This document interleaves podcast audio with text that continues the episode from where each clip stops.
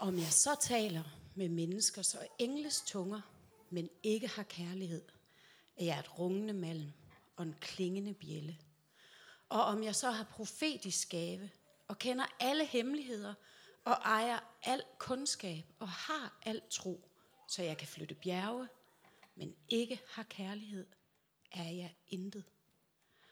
Og om jeg så uddeler alt, hvad jeg ejer, og giver mit læme hen til at brændes, men ikke har kærlighed, gavner det mig intet. Kærligheden er tålmodig. Kærligheden er mild. Den misunder ikke. Kærligheden praler ikke, bilder sig ikke noget ind. Den gør intet usømmeligt, søger ikke sit eget, hisser sig ikke op, bærer ikke nag. Den finder ikke sin glæde i uretten, men glæder sig ved sandheden. Den tåler alt, tror alt, håber alt, udholder alt. Kærligheden hører aldrig op. Profetiske gaver, de skal forgå. Tungetale, den skal forstumme, og kundskab, den skal forgå.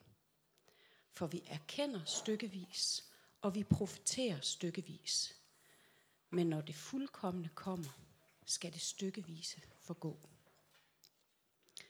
Da jeg var barn, talte jeg som et barn, forstod jeg som et barn og tænkte jeg som et barn.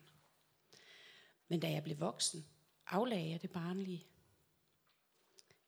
Endnu ser vi i et spejl i en gåde, men der skal vi se ansigt til ansigt.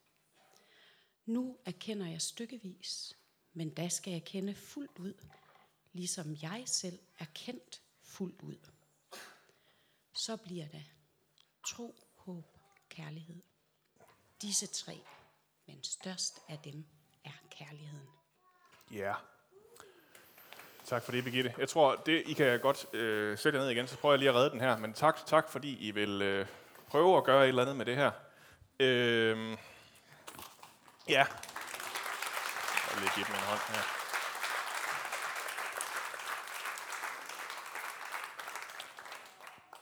Som, som, som man kunne høre her, så, så er det faktisk ikke os, der har fundet på de der typer, vi præsenterede. Så øh, det var faktisk Paulus, der havde fundet på, at det var dem, der skulle gøre skrin med. Det er sådan lidt frækt af ham, synes jeg, at tage sådan nogle gode mennesker, ikke også? Tag verdens klogeste og verdens frommeste og verdens øh, bedsteste, godeste mand, øh, som jo egentlig også er sådan nogen, som det lyder som om, vi helst skal være i kirken ret tit, ikke også? Det, er sådan, det gælder om at kunne, kunne, kunne, kunne bede godt og give afkald på en masse ting og sige nogle fine ord og holde nogle lange prædikner. Og så gør Paulus bare tyk grin med dem. Siger, det, det er fint nok, at de er gode til det der. Men lidt ligesom vi nogle gange kan snakke om med at være god til fodbold, eller være god til skole, og alle sådan nogle ting. Jamen, det er dejligt, men hvis du har glemt det der med kærligheden, så bliver det hele altså bare lige meget. Det havde Aslan jo så heldigvis fanget, øh, selvom de to andre voksne dommer, de var sådan lidt nemmere at narre og dupere, og åh, hvor er det også sejt og sådan nogle ting. Øh, han kunne godt se, at der var noget, der manglede midt i alle de her fine ord og bønder og handlinger. Der manglede noget kærlighed. Og det er jo sådan lidt svært sådan helt at forstå det der med kærligheden. Det er sådan en ret svær størrelse. Ikke? Hvad er det egentlig for noget?